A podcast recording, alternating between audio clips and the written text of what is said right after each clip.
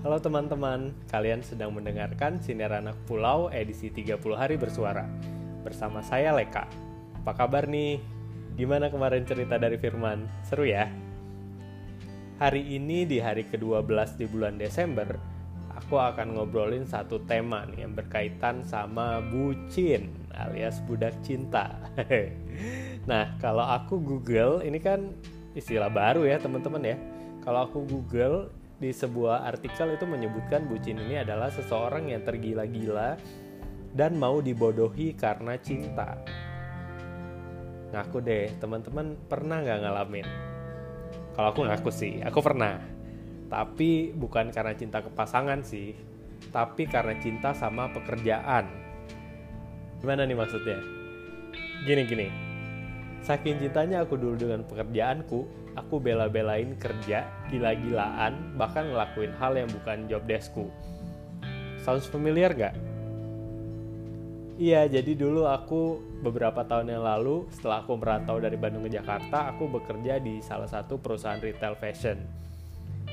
Ya, salah satu retail terbesar lah kayaknya di Indonesia. Nah, di perusahaanku ini aku benar-benar ngerasa aku harus kerja keras nih buat membuktikan ke atasanku bahwa aku adalah karyawan yang rajin dan bisa diandalkan. I adore my managers dan I want to prove to them that I'm the best. Nggak jelek sih ini, tapi dampaknya juga nggak selalu baik. Saking ingin kerja kerasnya, aku sampai lembur dari siang sampai malam kalau kerjaan belum beres. Maksain ngurusin kerjaan ini itu yang seharusnya bukan urusanku. Bahkan waktu itu, aku ingat kerjaan orang lain juga aku kerjain loh. Alhasil aku sering banget jatuh sakit sampai akhirnya dirawat dan uh, kena penyakit serius juga. Well no one to blame sih but me. Mau maunya aja aku jadi budak dari ambisiku sendiri. As the time goes by sekarang I think I know better aku tahu jadi profesional itu bukan selalu tentang do the extra miles tapi juga tahu batas kemampuanku dan menghormati hak dan kewajiban diri sendiri sebagai pekerja.